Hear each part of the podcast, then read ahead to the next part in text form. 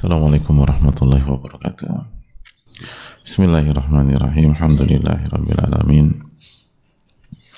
وبه نستعين على أمور الدنيا والدين والصلاة والسلام على أشرف الأنبياء والمرسلين وعلى آله وصحبه ومن سار على نهجه بإحسان إلى يوم الدين وبعد اللهم صل وسلم وبارك وأنعم على نبينا على نبينا محمد وعلى آله وصحبه أجمعين Allahumma inna nas'aluka ilman nafi'an wa na'udzubika min ilmin la yanfa' Allahumma fatna wa fadil muslimina fi kulli makan amin ya rabbal alamin.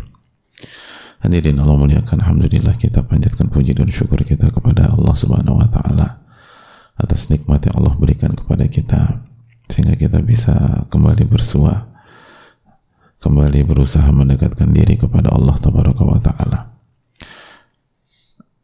dan sekali lagi nikmat akses itu nikmat yang sangat mahal. Dan semua orang lapangan tuh tahu akses itu mahal. Kalau akses ke orang penting kalau akses ke orang yang punya kebijakan kalau akses or seorang tokoh aja sangat amat mahal. Dan banyak orang harus mengeluarkan dana yang tidak sedikit untuk bisa mendapatkan akses tersebut. Lalu bagaimana dengan akses mendekat kepada Rabbul Alamin.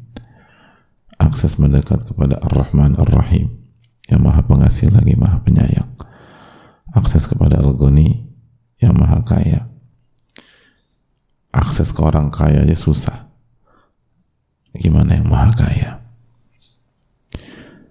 Jadi jangan pernah meremehkan nikmat akses nikmat mendekat kepada Allah subhanahu wa ta'ala karena kalau kita remehkan kita nggak akan bersyukur kalau kita nggak bersyukur Inna azabi syadid. Azabku sangat pedih. Maka bersyukurlah kepada Allah Subhanahu wa taala. Karena ini adalah hal yang sangat mahal. Apalagi akses ini bukan membuat kita arogan, bukan membuat kita jumawa. Bukan membuat kita pongah, tapi akses ini membuat kita semakin mengenal Allah Subhanahu wa taala. Semakin bertakwa kepada Allah Subhanahu wa taala. Semakin beriman. Makanya para ulama dulu ketika mengajak orang untuk duduk di majelis ilmu mereka menyatakan ta'alu nu'min sa'atan mari kita sejenak menambah iman kita Mari sejenak kita menambah iman kita. Maka ini adalah kenikmatan yang sangat luar biasa.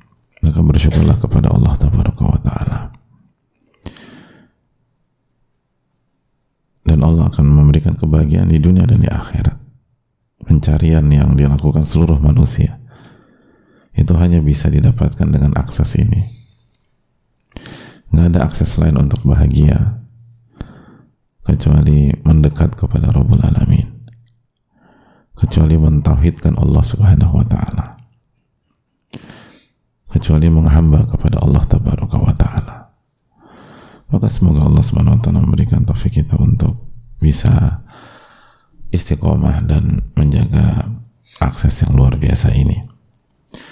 Amin ya rabbal alamin sebagaimana semoga Allah menjaga kita semua menjaga orang-orang yang kita cintai keluarga kita, orang tua kita, guru-guru kita, ulama-ulama kita, dan seluruh umat Islam di mana pun berada. Khususnya yang terzolimi, yang sedang teraniaya di Palestina dan di berbagai macam tempat lainnya. Semoga Allah jaga kita dan mereka. Semoga Allah tolong kita dengan mereka. Semoga Allah memberikan husnul khatimah bagi yang wafat di antara mereka. Amin ya rabbal alamin. Hadirin Allah muliakan. Kita akan kembali melanjutkan bab memuliakan ulama wal kibar wa ahli fadl. Memuliakan ahli ilmu ulama guru orang-orang senior dan orang-orang yang punya keutamaan Dan kita akan masuk ke hadis pertama, hadis Abu Mas'ud Uqbah bin Amr Al-Badri Al-Ansari radhiyallahu taala an. Al-Imam Yahya bin Sharaf bin Muri Abu Zakaria An-Nawawi rahimahullahu taala semoga Allah memberikan rahmat kepada beliau keluarga orang tua guru-guru beliau dan para ulama secara umum Al-Imam An-Nawawi rahimahullahu taala rahmatan wasi'ah menyampaikan sebuah hadis saat beliau mengatakan wa an Abi Mas'ud Uqbah bin Amr Al-Badri Al-Ansari radhiyallahu taala an. Dari Abu Mas'ud Uqbah bin Amr Al-Badri Al-Ansari beliau menyampaikan qala Rasulullah sallallahu alaihi wasallam. Rasulullah sallallahu alaihi wasallam bersabda ya ummul qauma aqra'uhum li kitabillah ya umul qawma akra'uhum li kitabillah. Yang menjadi imam yang menjadi imam sebuah kaum. Atau yang berhak mengimami sebuah kaum adalah yang paling berilmu dalam membaca Al-Quranul Karim. Dalam membaca kitabullah. Dalam membaca Al-Quran. Jadi yang berhak menjadi imam adalah yang paling berilmu dalam membaca Al-Quranul Karim. Fa'in kanu fil kira'ati sawa. Fa'in kanu fil kira'ati sawa'a apabila kualitas mereka dalam membaca itu sama jadi apabila kualitas ilmu mereka dalam membaca Al-Quran itu sama fa'alamuhum bisunnah. Maka yang paling berhak adalah yang paling berilmu tentang sunnah Rasulullah Sallallahu Alaihi Wasallam. Fa'in kanu fi sunnah sawa'a dan apabila kualitas mereka dalam sunnah Rasulullah SAW sama faqdamuhum hijratan maka yang paling berhak adalah yang paling senior dan yang paling lebih dulu berhijrah jadi yang paling senior dan yang paling lebih dulu ber, berhijrah. Fa'in kanu fil hijrati sawa'a dan apabila mereka barengan gitu. Hijrahnya barengan sama-sama hari Jumat misalnya bisa gitu. Jadi berhijrahnya sama-sama hari Jumat misalnya barengan. Faqdamuhum sinna maka yang paling yang yang paling berhak adalah yang paling senior dari sisi umur. Yang paling berhak adalah yang paling senior dari sisi umur yang paling tua wala yu'ammina ar-rajulu rajula fi sultani. Dan janganlah seseorang mengimami pihak lain di tempat kekuasaannya di lingkungannya atau di daerahnya atau di tempat kekuasaannya. Wala yaq'ud fi baitihi ala takrimatihi illa biidnih. Dan janganlah duduk di atas tempat khusus di rumahnya kecuali dengan izinnya kecuali dengan izinnya. Jadi janganlah kita duduk di tempat di tempat khusus yang khusus buat orang tersebut di rumahnya kecuali minta izin dulu. Kecuali minta izin dulu. Hadirin Allah muliakan Hadis ini diriwayatkan Imam Muslim. Dalam riwayat wa fi riwayat lahu dan dalam riwayat faqdamuhum silma badalan sinna ay islama dalam riwayat uh, yang paling uh, yang lebih dulu masuk Islam sebagai pengganti yang paling tua usia. Yang paling tua usia. Jadi yang paling berilmu dalam baca Al-Quran. Lalu yang kedua, yang paling berilmu tentang sunnah Nabi SAW. Lalu yang ketiga, yang paling senior dan paling lebih dahulu berhijrah. Lalu berikutnya, yang paling lebih dulu masuk Islam. Itu dalam riwayat yang lain. Wa fi riwayah dan dalam riwayat yang lain, ya ummul qaum aqrahum li kitabillah wa aqdahum qira'atan fa in kanat qira'atuhum sawa sawa'an faya ummuhum aqdamuhum hijratan fa in kanu fil hijrati sawa'a falya ummuhum akbaruhum sinna dalam riwayat yang mengimami sebuah kaum adalah yang paling uh, berkualitas ilmunya tentang membaca Al-Quranul Karim. Dan yang paling lebih dulu. Yang paling lebih dulu. Bacaannya. Yang paling lebih dulu membacanya. Kalau sama maka yang paling lebih dulu berhijrah. Kalau sama yang paling senior secara usia. Senior secara usia. Itulah uh, beberapa uh, riwayat yang berkaitan dengan hadis di atas. Jadi kesimpulannya hadis sekalian uh, di hadis muslim tadi yang paling berhak mengimami siapa?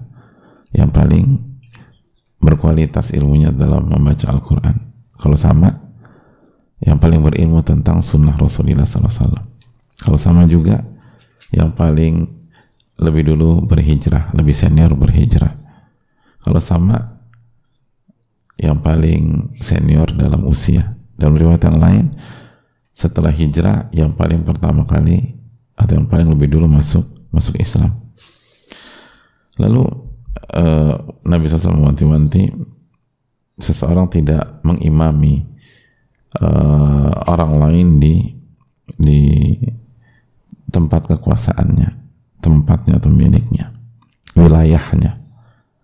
Dan kalau ingin duduk di sebuah tempat spesial, di tempat orang tersebut, di rumah orang tersebut, maka minta izin dulu. Minta izin dulu. Kayak misalnya kalau kita bertamu, tuan rumah itu punya kursi khusus gitu loh kalau ada tamu dia duduk di situ. Macam-macam mungkin karena faktor uh, kesehatan, faktor kondisi, faktor nah, jangan duduk di sana. Kalau minta mau duduk sana, minta izin dulu. Minta izin dulu.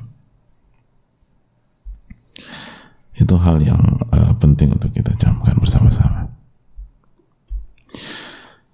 Hadirin Allah muliakan pelajaran yang bisa kita petik dari hadis ini.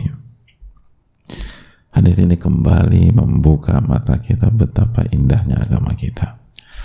Betapa komplitnya agama kita. Betapa detailnya agama kita. Betapa tingginya kualitas sunnah Rasulullah Sallallahu Alaihi Wasallam. Nabi SAW sampai ngebahas hal seperti ini membahas sampai hal seperti seperti ini. Jadi hadirin Allah muliakan sampai dibahas jangan jadi imam di wilayah orang. Lihat bagaimana uh, kedalaman konsep kita dan konsep Rasulullah tentu saja alaihissalam jangan jadi imam di masjid orang. Jangan jadi imam di di daerah kekuasaan orang. Di wilayah orang. Kecuali diizinkan kecuali diminta dan seterusnya. Jangan. Dan jangan duduk di tempat khusus seseorang. Ketika di wilayahnya atau di tempatnya atau di rumahnya atau di kantornya atau di ini Jangan. Kecuali dapat izin. Makanya sekali lagi hadirin Allah muliakan orang yang benar-benar belajar Al-Quranul Karim dan Sunnah Nabi SAW itu terlihat. Terlihat dari kematangannya, terlihat dari cara ngebaca, terlihat dari uh, kedewasaan sosial, terlihat dari empatinya terhadap orang, tahu bagaimana bersikap, sampai dijelaskan posisi duduk sampai dijelaskan sama Nabi SAW Anda harus duduk di mana?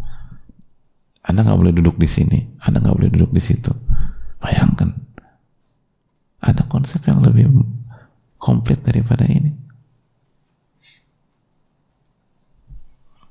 Gitu. Dan ini bukan menurut saya, menurut aku, menurut kamu, bukan. Ini bukan opini A, bukan opini B, bukan opini C. Ini bukan point of view A, bukan point of view B, bukan point of view C. Ini sunnah Rasul SAW. Dengan jalur periwayatan yang sangat ketat. Validitasnya dicek dengan sangat ketat. Ini wahyu. Wa mayantiku 'anil hawa in huwa illa wahyun yuha Nabi SAW tidak berbicara dengan hawa nafsunya, tapi wahyu Allah wahyukan kepada beliau. Jadi hadirin Allah muliakan. Jadi yang rugi kalau kita nggak belajar diri kita, kita nggak ngerti gimana bersikap. Bayangkan sampai posisi diatur sama Rasulullah SAW. Ini kan ngatur posisi. Siapa yang berhak di posisi imam, siapa yang jadi makmum. Dan kalau ada dua yang sama, siapa yang diprioritaskan? Sampai posisi berdiri itu diatur, bayangkan.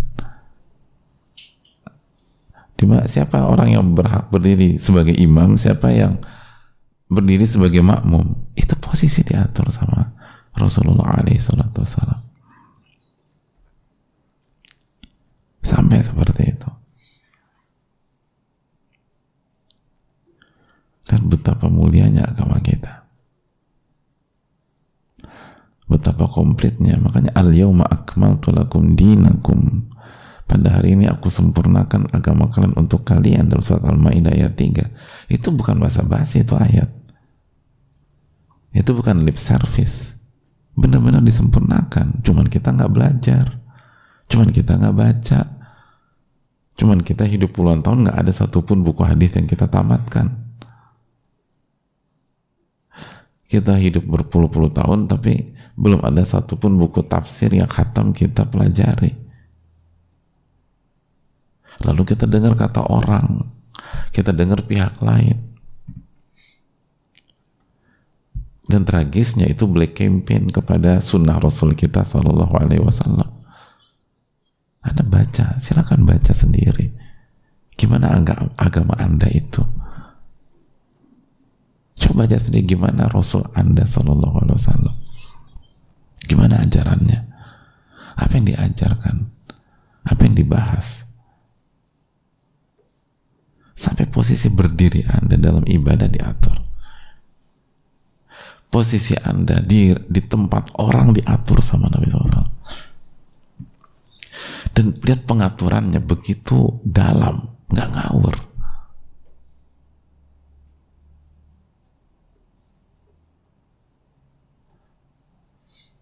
begitu luar biasa.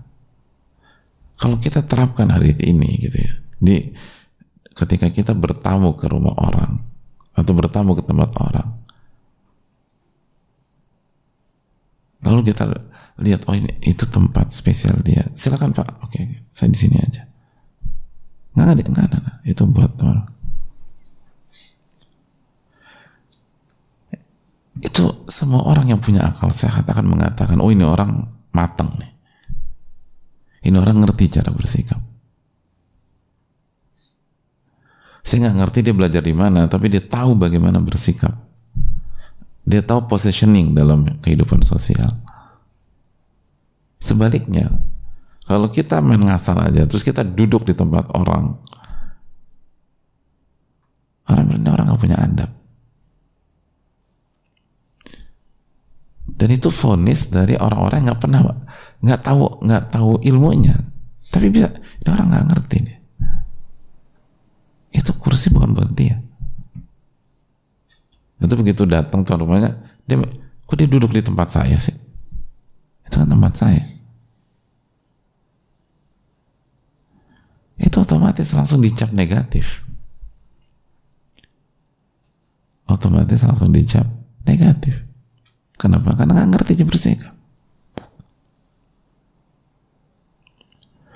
Makanya ini mengajarkan kepada kita orang yang benar-benar mengerti agama itu nggak polos.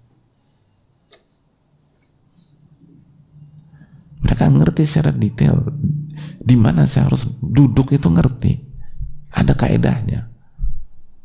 Gimana saya harus berdiri itu ngerti.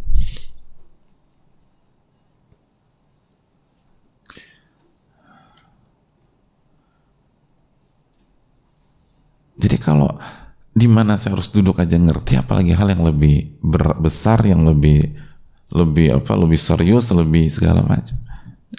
Itu ada dalam sunnah Nabi kita alaihi salatu wassalam.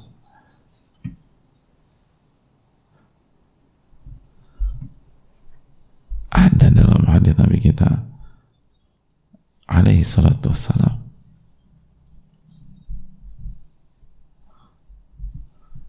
Itu keindahan sunnah Nabi kita alaihi wassalam.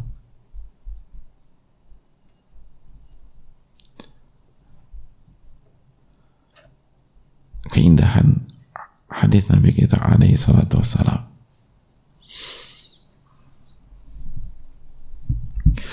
Makanya ketika Nabi kita selalu mengatakan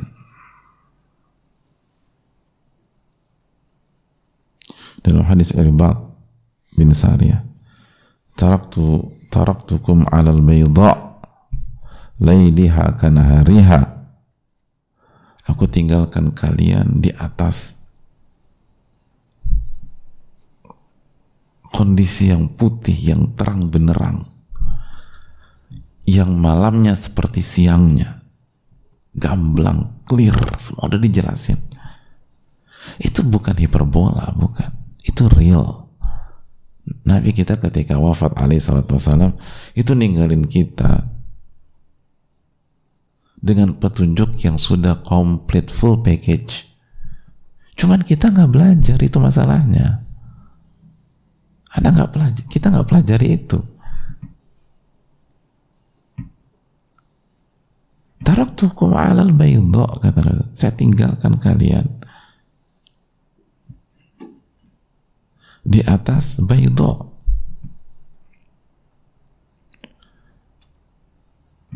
Bayda putih, putih. Maksudnya apa? Semua terang. Lailiha karena hariha. Malamnya itu seperti siang terang benerang. Anda nggak akan kesasar dalam hidup. Semuanya terang nggak akan nggak akan tersandung karena nggak kelihatan itulah Nabi kita alaihi salatu wassalam. Itulah kasih sayang Allah ta'ala. Lalu kasih sayang Rasul kita alaihi salatu wassalam. Semua diajarkan. Semua di, diajarkan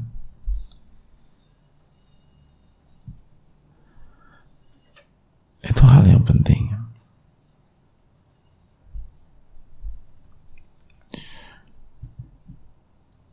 Hadirin Allah muliakan.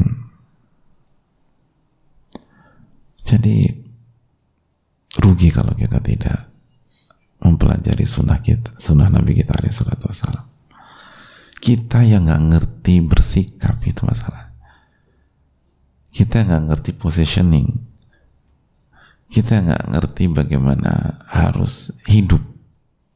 Itu yang paling fatal. Jadi kita yang butuh belajar nih kita yang butuh.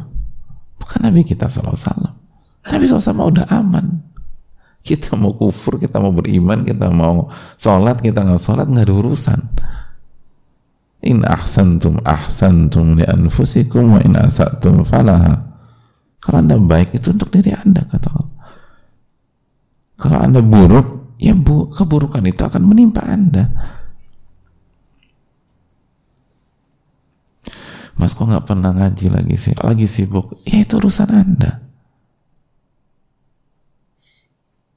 Anda nggak ngerti apa-apa nanti. Tapi Anda perlu ingat, hidup di dunia sebentar. Lalu kita akan wafat. Lalu Anda akan ditanya di dalam kubur, apa jawaban Anda?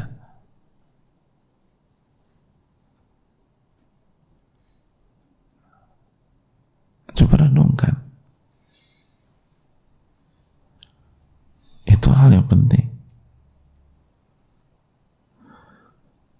Kita yang punya orang tua yang wafat di tahun 2000 misalnya. Coba renungkan, orang tua kita berarti sudah berada di alam kubur 23 tahun. Apa bekal kita untuk 23 tahun itu?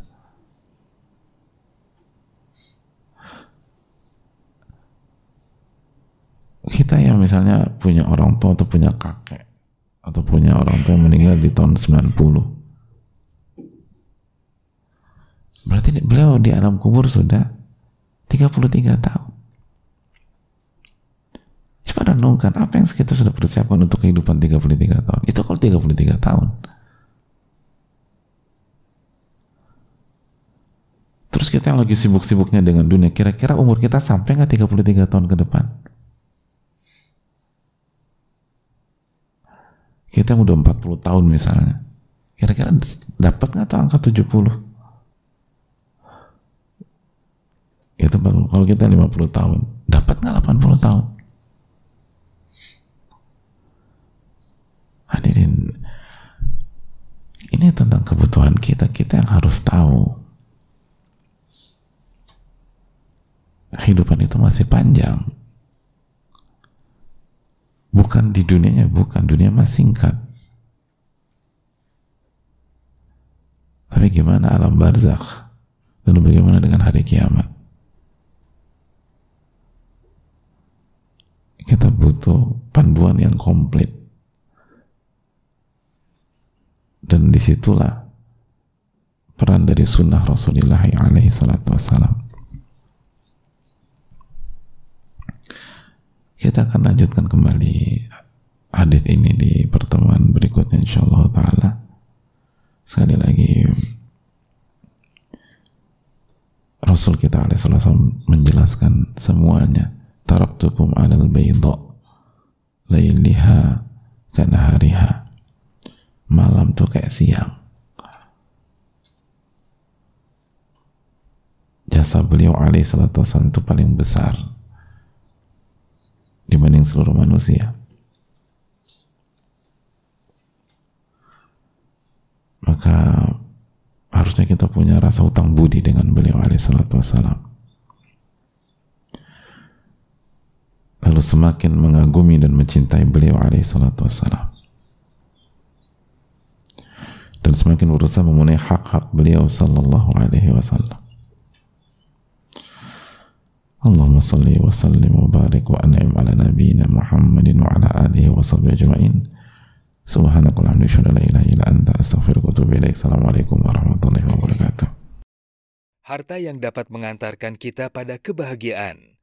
Ada banyak ikhtiar dalam menggunakan harta pada hal-hal yang Allah ridhoi, seperti mengeluarkan harta untuk beribadah, berinfak untuk keluarga terdekat, dan bersedekah untuk saudara-saudara yang jauh. Semoga setiap ikhtiar tersebut dapat menuntun kita pada kemudahan dan kebahagiaan dari Allah Ta'ala. Insya Allah, kita juga bisa bersedekah melalui program ragam aktivitas kebaikan Muhajir Project Peduli yang insya Allah bermanfaat. Semoga Allah memberkahi dan memberikan kebahagiaan di dunia dan akhirat. Raihlah kebaikan dan pahala bersedekah. Salurkan sedekah terbaik kita melalui CIMB Niaga Syariah 8600 1178 5800 atas nama Muhajir Peduli Indonesia.